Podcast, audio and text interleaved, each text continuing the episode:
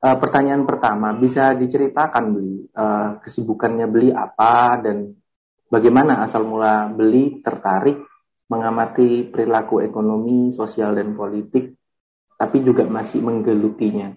Di mana sih beli yang asiknya itu di mana? Mulai itu dari Jogja ya tahun 90-an dan kemudian mengamati dan juga ikut berpartisipasi dalam beberapa gerakan gitu ya. Uh, apa terus kemudian tapi saya lebih pada sisi apa saya katakan uh, ya antara mengawinkan antara gerakan dan dunia akademis ya ketika itu ya. Ketika saya belajar di Universitas Gajah Mada khususnya. Terus agak terputus sedikit karena saya tahun 98 saya berangkat.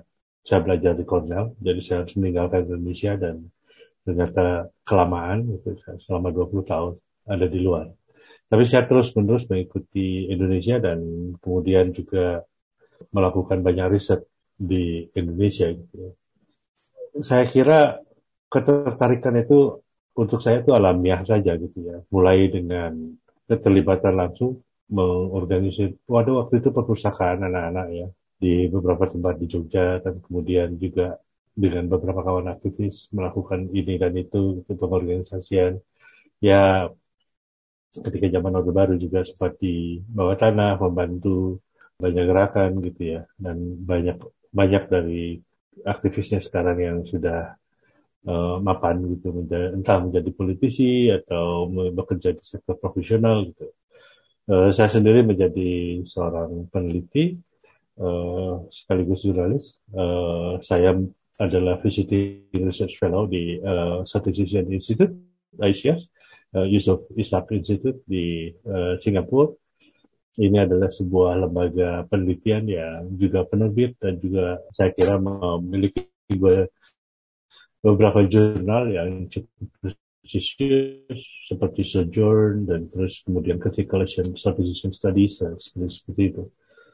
Sebenarnya keahlian saya adalah militer dan kemudian konflik etnik, agama, pokoknya konflik-konflik yang uh, berbasis pada identitas. Itu mau tidak mau kita melihat uh, relasi sosial, uh, politik, dan ekonomi. Dan itulah yang membawa saya kepada konflik-konflik uh, sumber daya alam seperti yang terjadi di Wadas sekarang ini. Dan saya mengamati tidak saja di Wadas, tapi juga di banyak tempat di Indonesia gitu ya. Seperti yang sekarang sedang keras terjadi tapi tidak banyak terdengar di media kita itu adalah di Sulawesi, kemudian di Maluku Utara dan tentu saja di Papua gitu ya. Sesudah di dulu itu banyak di Sumatera, di Riau gitu. Tapi karena uh, hutannya sudah habis dan semua sudah berubah menjadi kebun sawit dan banyak orang sudah tergusur, ya konflik tidak lagi terdengar di di Riau. Walaupun beberapa uh, masih ada di Sumatera Selatan. Itu konflik-konflik uh, sumber daya alam. Uh, itu saya kira uh, yang menjadi melatar belakangi mengapa saya tertarik dengan masalah-masalah ini. Bagaimana Belimade melihat anak muda sekarang terlibat dalam isu sosial uh, politik, ling lingkungan saat ini di tengah murahnya gawai ya Beli, di tengah murahnya hmm. gawai atau gadget atau HP dan internet sebagai panglima. Ini beli melihat itu bagaimana? Apakah maksud kami apakah terbentuk solidaritas atau kelompok-kelompok studi yang apa sadar lingkungan, sosial politik yang berbeda dengan zaman beli ya? Menurut beli bagaimana?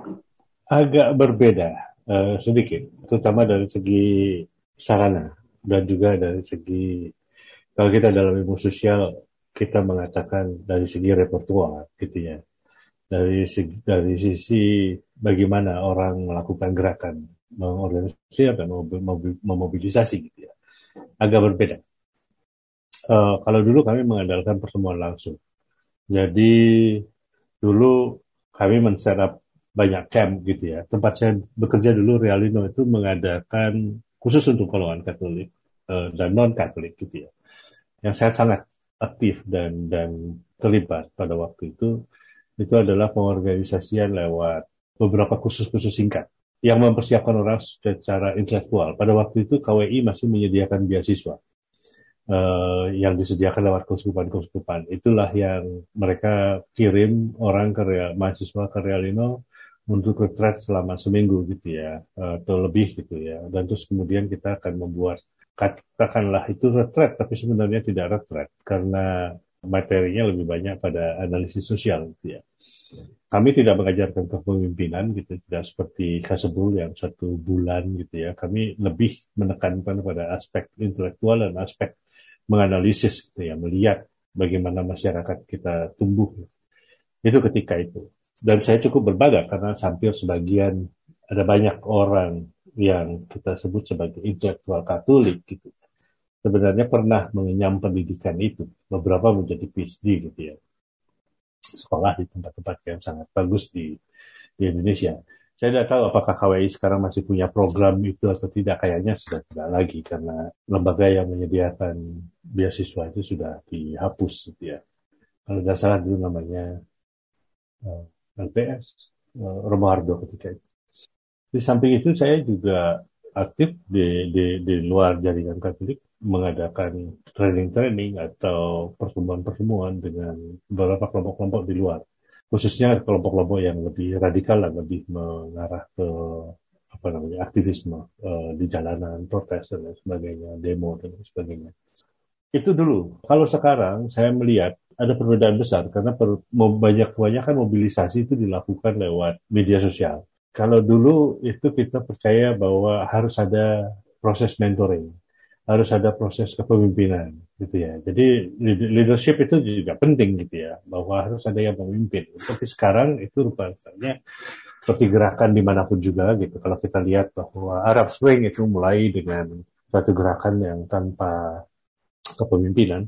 Kemudian yang terjadi di Hong Kong uh, yang disebut dengan Milk Tea Alliance gitu ya di Hong Kong, Taiwan, Thailand, dan sekarang di Myanmar, di Burma gitu ya banyak protes terjadi juga di Indonesia dengan gerakan reformasi di korupsi itu apa namanya terjadi tanpa struktur kepemimpinan yang jelas dan juga tidak memiliki organisasi sehingga asumsinya adalah bahwa para penguasa akan lebih sulit untuk melakukan atau uh, merepresi gerakan ini. Nah, cuma masalahnya ada satu masalah besar gitu ya dan dan juga secara empiris sudah terbukti gitu ya. Gerakan Arab Spring itu gagal total. Di Mesir yang kembali adalah militer. Di mungkin ya sedikit di Maroko tapi secara pelan-pelan Maroko kembali ke seperti keadaan sebelumnya gitu ya. Di Hong Kong gagal total.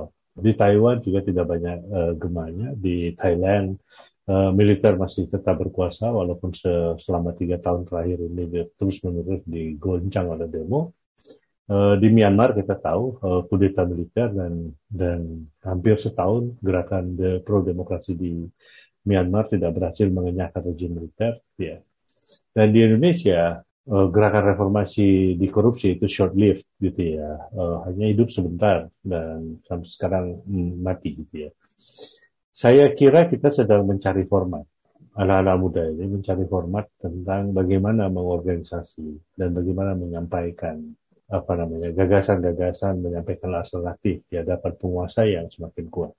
Khusus tentang pandemi ini, saya kira sebagaimana terbukti di seluruh dunia gitu ya, rezim itu semakin kuat banyak orang me, me, bertanya pada saya mengapa tidak ada gerakan sosial pada pada eh, zaman-zaman uh, seperti ini. Ya, saya menunjuk bahwa ya tidak hanya Indonesia yang mengalami vakum seperti itu, tapi juga seluruh dunia.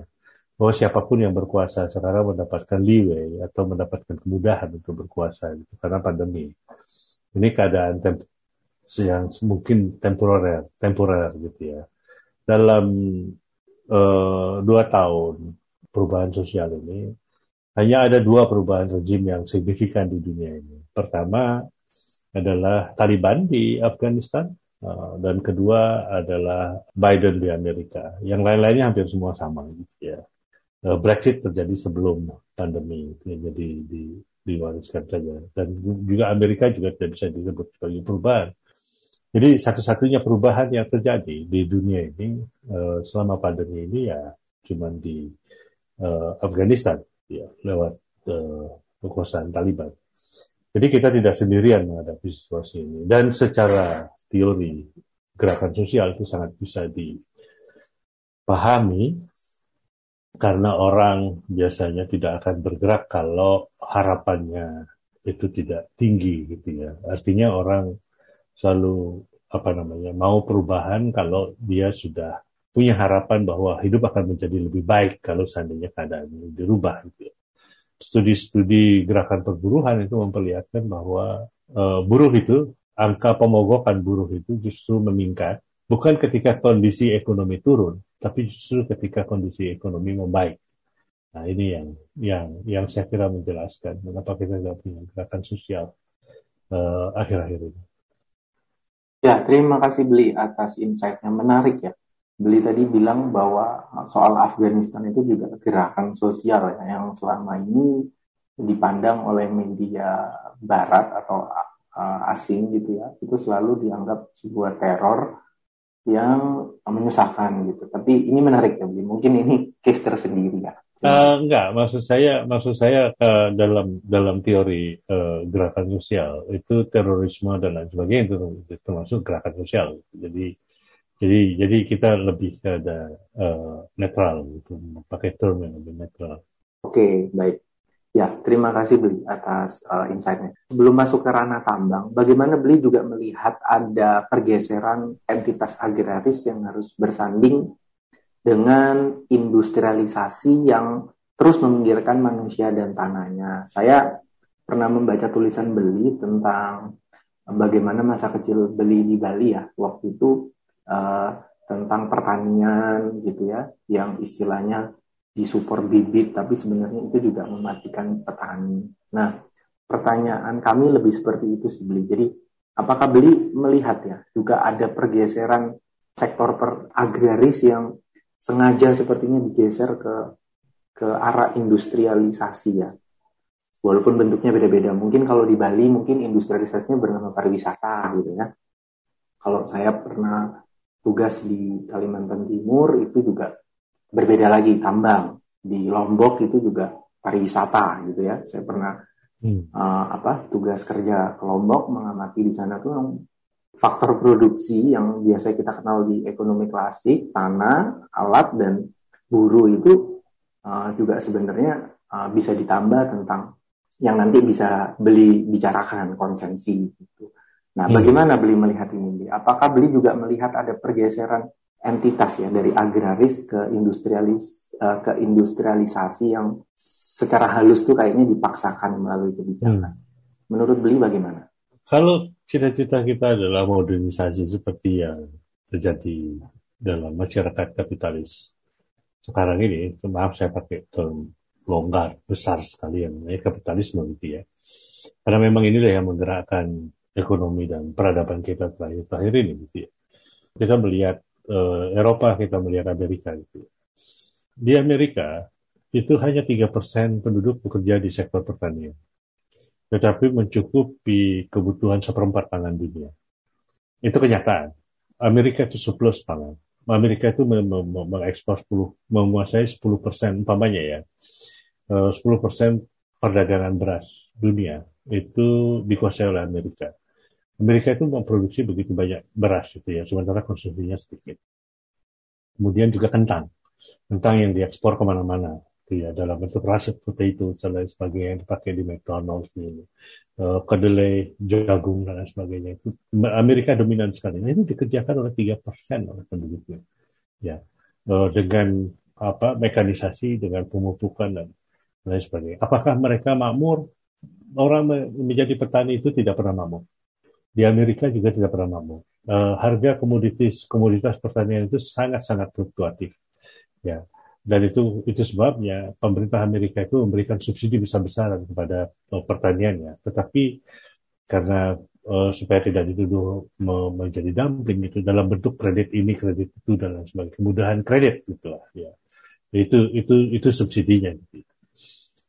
Uh, tidak secara langsung. Seperti namanya kalau membeli traktor. Saya pernah, saya hidup di, di sekitar daerah pertanian di, di daerah uh, Ithaca, New York. Itu uh, kelihatan sekali bagaimana mereka mendapat subsidi ketika memberi traktor, uh, memberi, mendapatkan tax credit istilahnya, kalau mereka memberi alat-alat pertanian. Nah, itu itu sebenarnya subsidi, tapi tidak tidak membuat tidak membuat Amerika bisa dituduh melakukan dumping terhadap harga pertanian di pasar internasional. Ya. Nah, proses seperti itu terjadi di Indonesia. Uh, bagaimana semakin sedikit orang menjadi petani karena menjadi petani itu tidak menguntungkan. Benar-benar tidak menguntungkan. Di mana pun juga di seluruh dunia ini menjadi petani itu tidak menguntungkan. Tapi selalu harus ada orang yang uh, bekerja di sektor itu. Ya. Uh, tidak banyak, gitu. tapi sedikit. Tapi dengan teknologi semuanya bisa dimaksimalisasi. Tahun 80-an ada ada ramalan dari Club of Rome bahwa kita akan mengalami krisis pangan. Ternyata tidak. Eh, kita mengalami uh, kita justru karena teknologi kita mengalami surplus pangan. Gitu. Yang menjadi tugas ke depan kita adalah uh, bagaimana menampung atau mempekerjakan, memberi pekerjaan pada orang-orang yang terlempar dari proses industrialisasi di sektor pertanian. Karena tidak bisa, tidak mungkin itu di, dilakukan secara sustainable. Maksud saya cara-cara bertani tradisional.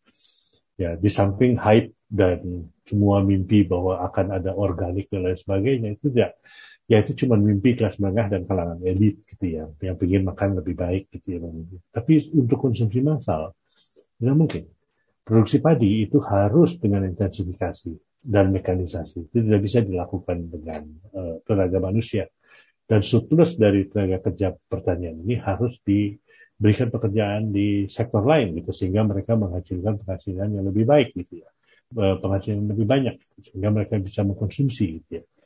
Jadi saya jarang sekali melihat ilmuwan sosial Indonesia yang memperhatikan soal ini gitu ya, untuk memperhatikan perubahan sosial yang terjadi di di, di pedesaan.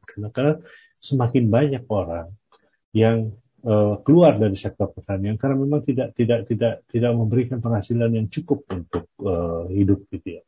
Bayangkan saja harga kobis itu 5.000 per kilo. Iya, 2.500 per kilo kemarin eh, saya dengar di, di, di Wonosobo. Gitu. 2.500 per kilo itu tidak tidak tidak ada artinya gitu ya untuk kerja selama tiga bulan gitu ya. Lebih bagus orang pergi ke kota mau, mau menjadi buruh gitu ya dan menghasilkan jauh lebih banyak gitu ya. Walaupun dengan kondisi hidup yang lebih tidak sehat. Nah, di sini saya kira perlu sebuah perencanaan dan yang yang besar dan perlu sebuah sebuah strategi untuk melihat ini secara makro. Jadi menurut pandangan saya industrialisasi itu tidak tidak tidak terelakkan. Itu harus terjadi uh, satu proses alamiah gitu ya karena sistem kita bahkan kalaupun sistem dalam sistem sosialis pun itu juga juga terjadi. Hanya dalam sistem sosialis pemerintah mencarikan orang pekerjaan gitu ya. Uh, mereka yang terlempar terlempar dari dunia pertanian ini. Tetapi kalau mau efektif, itu memang harus lebih sedikit orang bekerja di sektor pertanian, tapi dengan output yang jauh lebih besar. Terus di Indonesia yang terjadi sekarang ini, eh, sektor pertanian juga menyerap semakin sedikit orang. Kalau dulu kan 90% dari tenaga kerja kita terserap sektor pertanian, sekarang itu hanya 45%. Ya, ada perubahan yang sangat-sangat mendasar selama 50 tahun terakhir ini.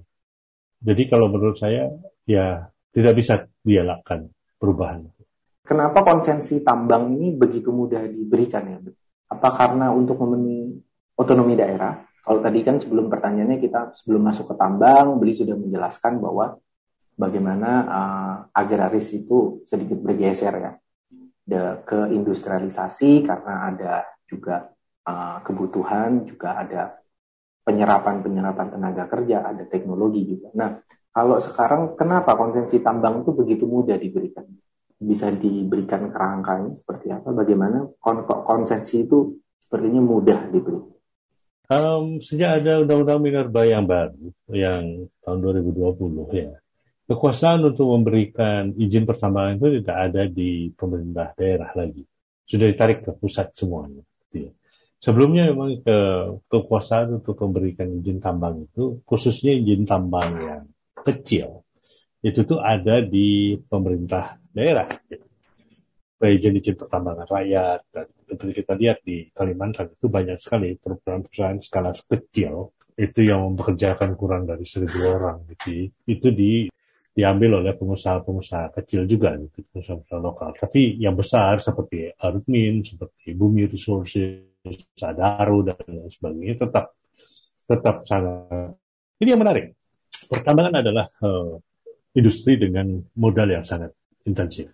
Ya modal besar tidak pernah bisa modal-modal modal kecil Anda uh, membeli satu traktor itu harganya berapa berapa miliar gitu ya jadi uh, dan juga uh, sel selalu melibatkan uang besar.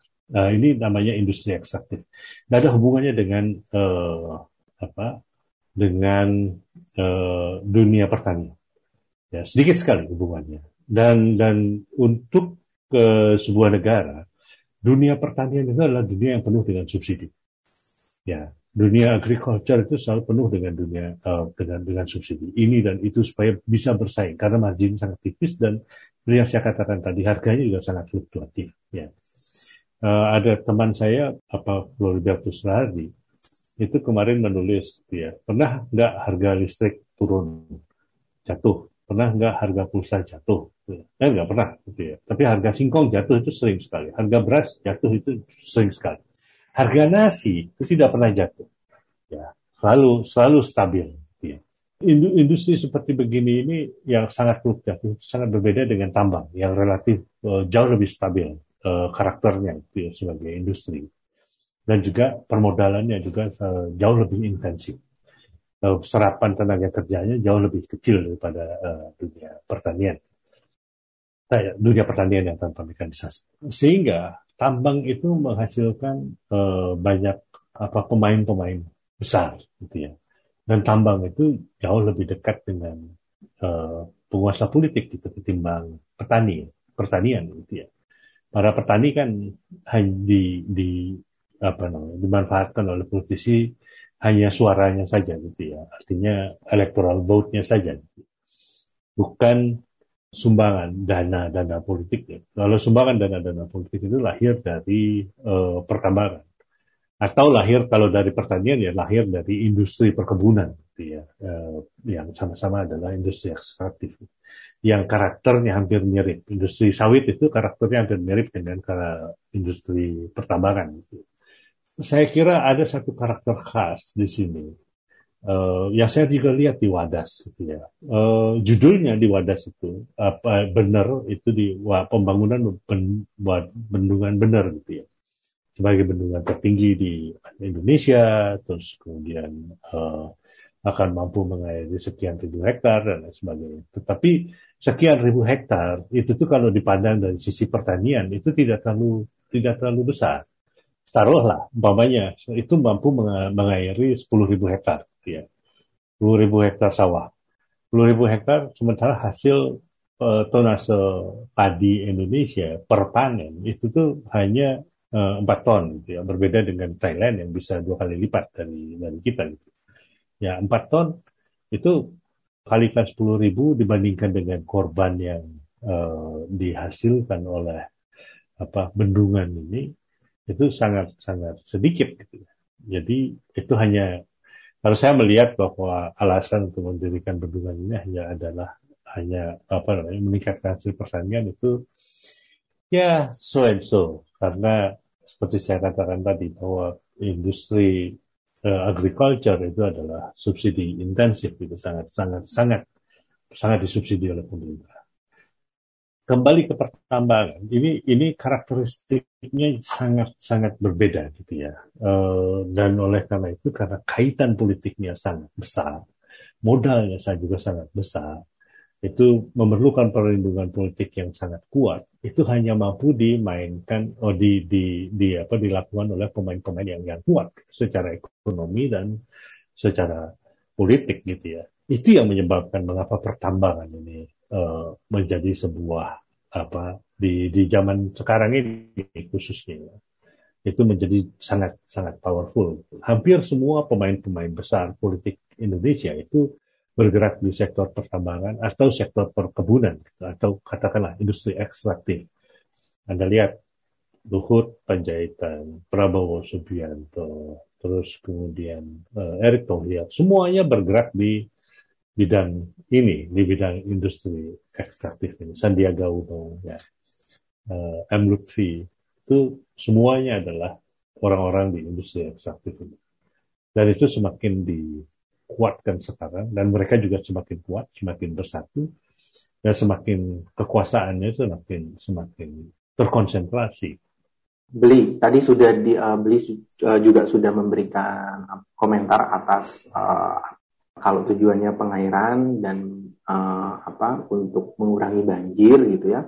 Beli memaparkan data hitungan yang menurut saya bagus ya bahwa uh, tonase padi kita jika dikali gitu dengan bendungan itu uh, tidak ngefek lah istilahnya begitu ya. Pertanyaan berikutnya untuk memahami protes ya, yang sekarang terjadi di Wadas itu kan banyak uh, protes tuh seperti dianggap sebuah cibiran anti pembangunan. Padahal protes tuh secara ekonomi yang beli tadi saya tertarik juga ya.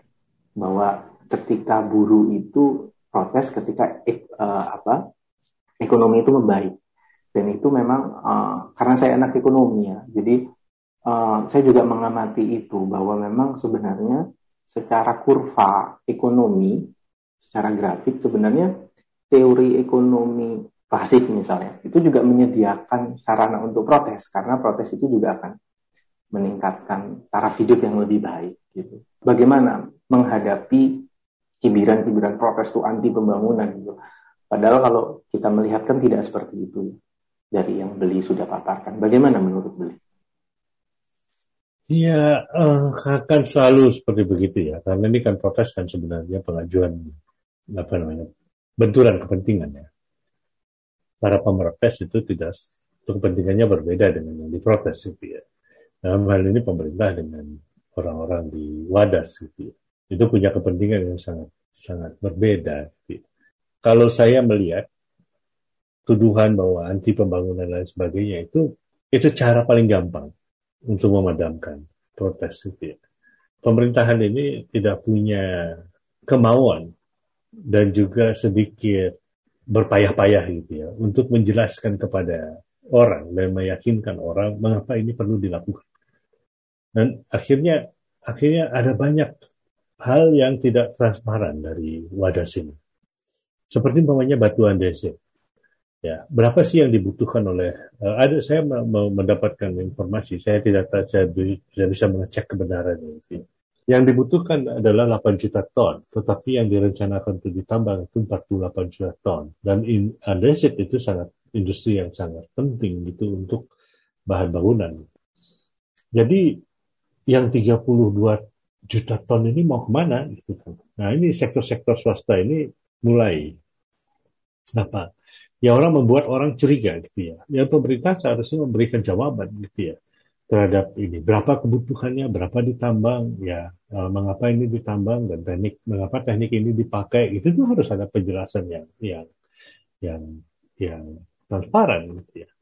Yang saya amati juga dari kasus Wadas ini, dan juga kasus-kasus pembangunan lain di bawah pemerintahan Jokowi sekarang ini adalah pemerintah sangat mudah untuk mengeluarkan uang. Jalan tol bebaskan saja gitu ya e, tanahnya dan dibayar dengan sangat layak gitu ya. Saya baru terima berita dari e, Klaten ada seorang yang yang apa namanya pekerjaan sehari-harinya adalah tukang becak gitu di kota Klaten. Kebetulan punya rumah dekat Ceper gitu. Terus kemudian tanahnya itu kena jalan tol. Nah, dia tiba-tiba menerima dua setengah miliar uang. Ini nggak tahu mau bikin apa dengan dua setengah miliar. Tentu membahagiakan punya uang dua setengah miliar. Ya. Tetapi tanpa ada pendidikan yang cukup, tanpa ada pemberian pengertian yang cukup, gitu ya. Itu tuh dua setengah miliar itu menguap begitu saja. Sama seperti orang menang lotre. Di dunia ini, dalam studi, itu hampir 99% pemenang lotre itu jatuh miskin.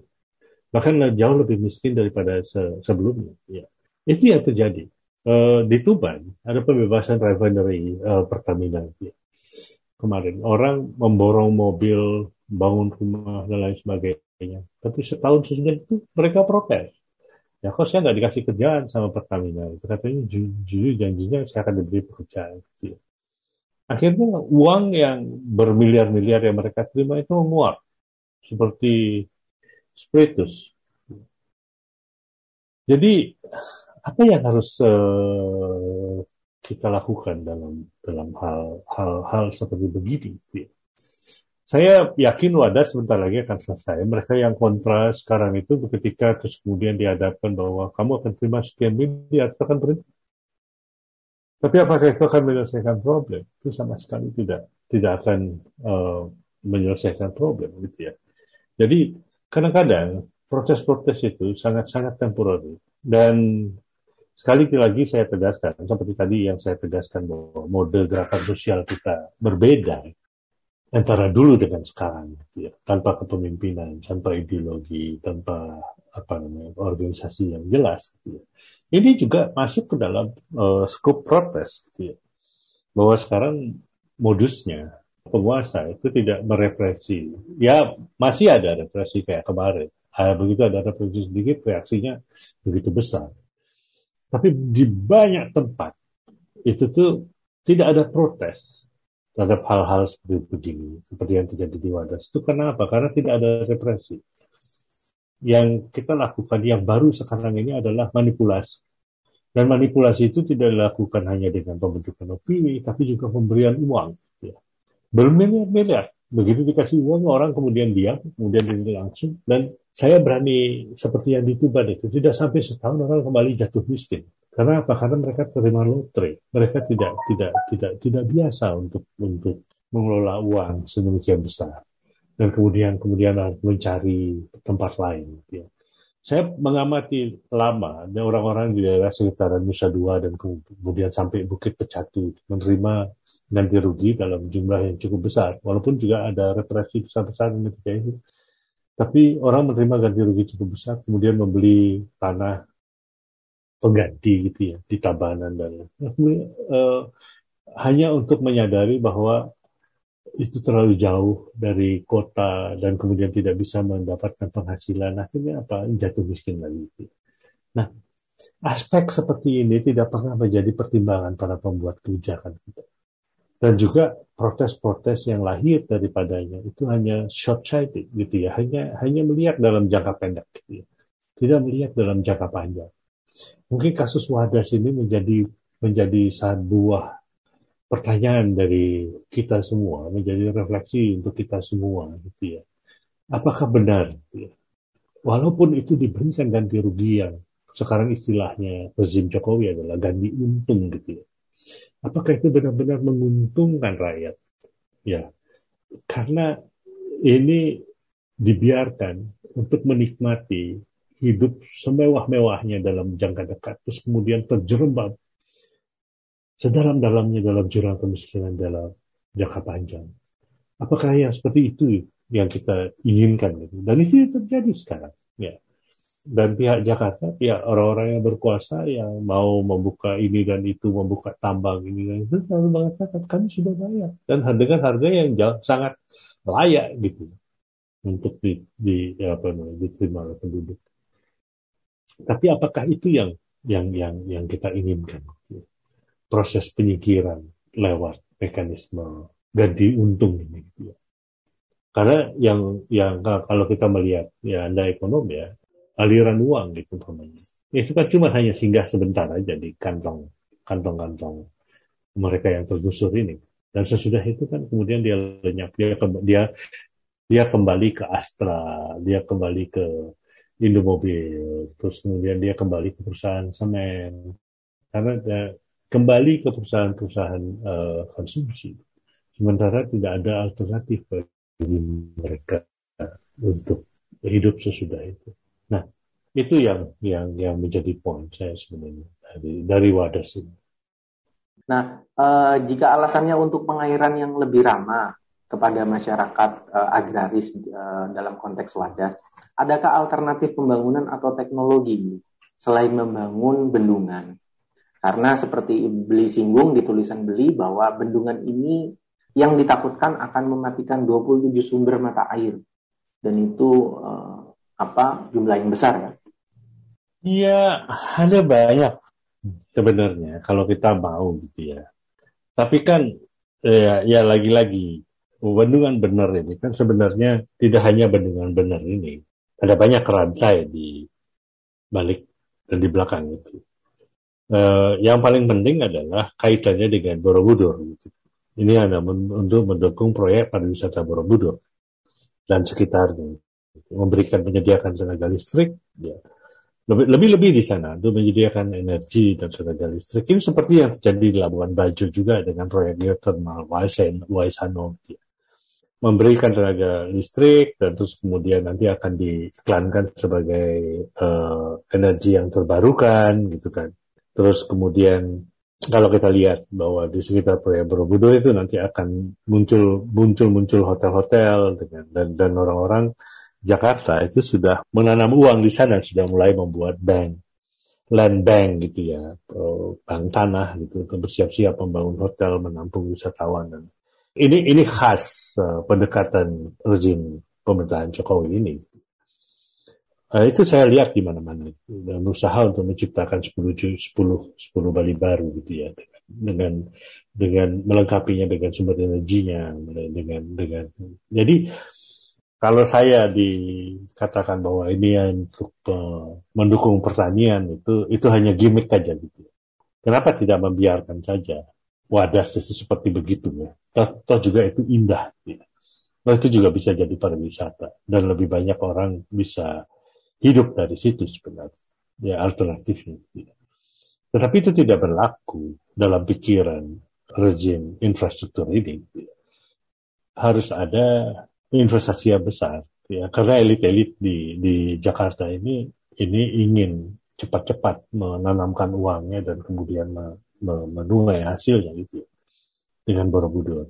Seperti Anda katakan, ya taruhlah kata hotel Aman Jiwo sekarang gitu ya. Kalau jam masa normal gitu, Anda kan nggak nggak akan nginep di sana gitu dengan 750 dolar per malam. Ya hal-hal hotel-hotel seperti itu akan lebih banyak lagi dibangun dengan atraksi Borobudur. Dan kalau Anda lihat sekarang bagaimana menoreh itu di kapling-kapling, dan Sandiaga Uno sudah mengatakan bahwa ini akan menjadi tujuan utama Yogyakarta di Kulon Progo, dan harga tanah sudah mulai merangkak naik di sana. Mengadalbungkan, ya sumber energi nanti akan disecure oleh bendungan benar. Ya. Jadi kemudian jadi masuk akal uh, secara politik, politik, politik ekonomi gitu ya. Apakah ada alternatif lain? kalau dalam pandangan uh, rezim infrastruktur sekarang ini, ini jelas ya. Untuk mereka semakin banyak orang kaya datang, itu semakin akan membuat orang semakin makmur ya. Seperti di Bali gitu ya. Semakin banyak hotel, semakin banyak wisatawan, semakin ini dan kemudian orang menjadi semakin makmur gitu ya. Bali menjadi semakin baik gitu ya. In a way gitu ya.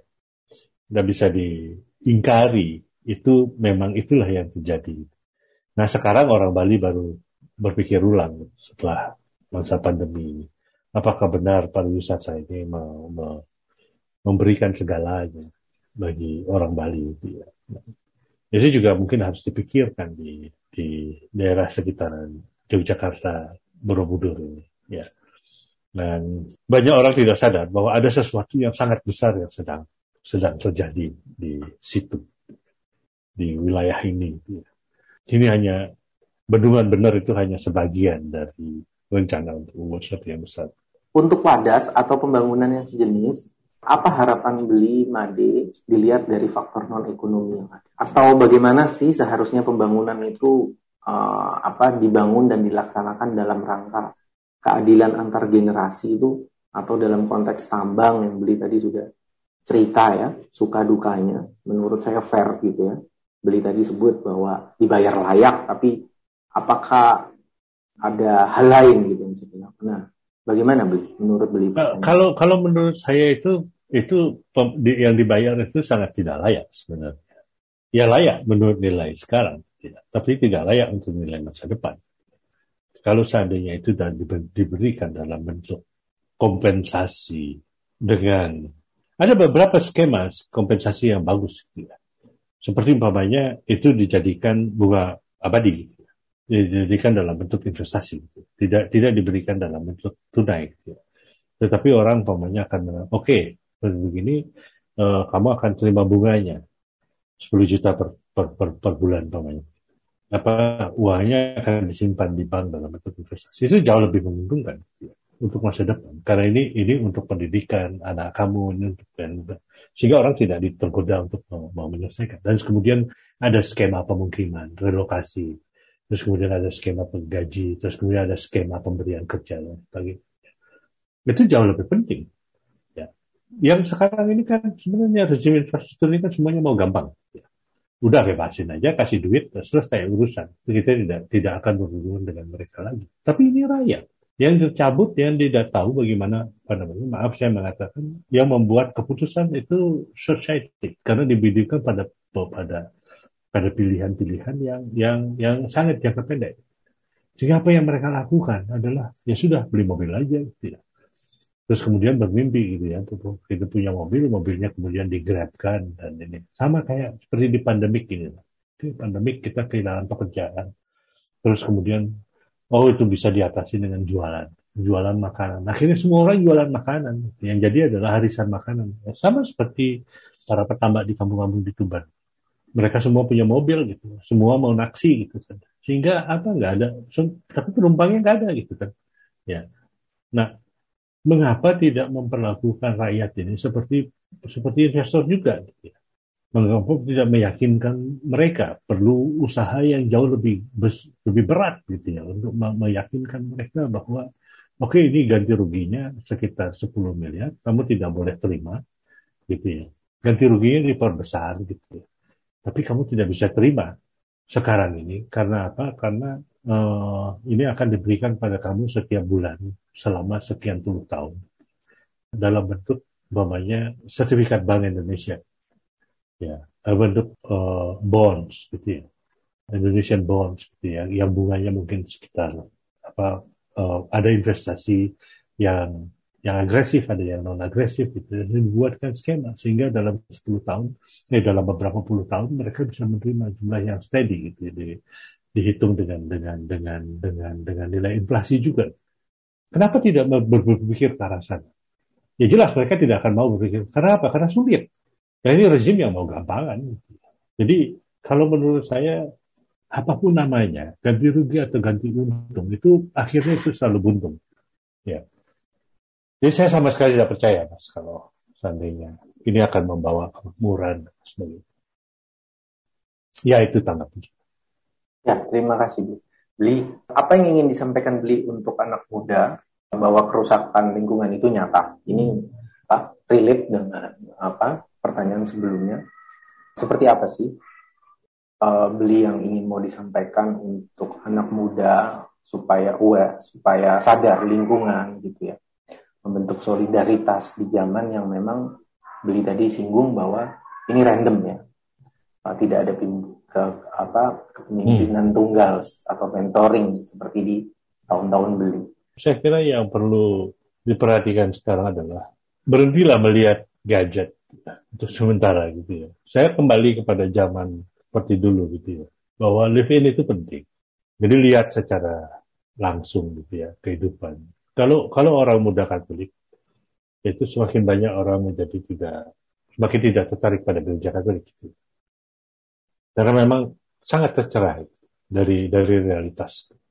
Khotbah-khotbah itu kan isinya cuma motivasi-motivasi semua. Eh, pastor-pastor itu bernyanyi gitu ketika khotbah jadi kalau menurut saya mereka yang ada di anak-anak muda yang ada di kota-kota untuk melihat efek bagaimana lingkungan itu berubah, pergilah ke desa-desa, ke paroki-paroki desa, Sukorejo, ya. dengarkanlah problem di situ. Itu yang paling metode pendidikan yang paling penting.